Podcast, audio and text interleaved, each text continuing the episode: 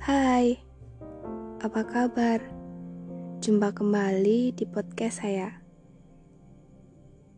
Kali ini podcastnya tentang perasaan yang pernah saya alami, kata si penulis. Iya benar, ini terjadi di kehidupan nyata saya.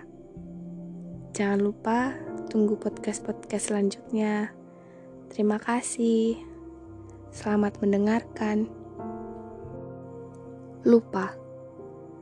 Bagaimana bisa aku melupa di saat bayangmu masih terus menyapa?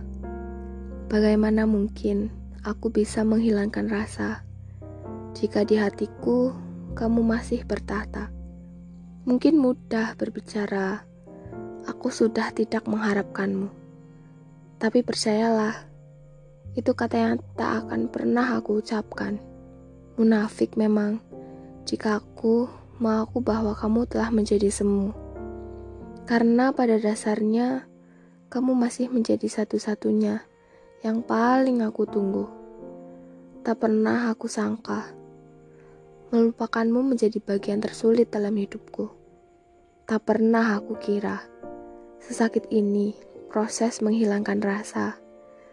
Aku selalu merindu di setiap malamku.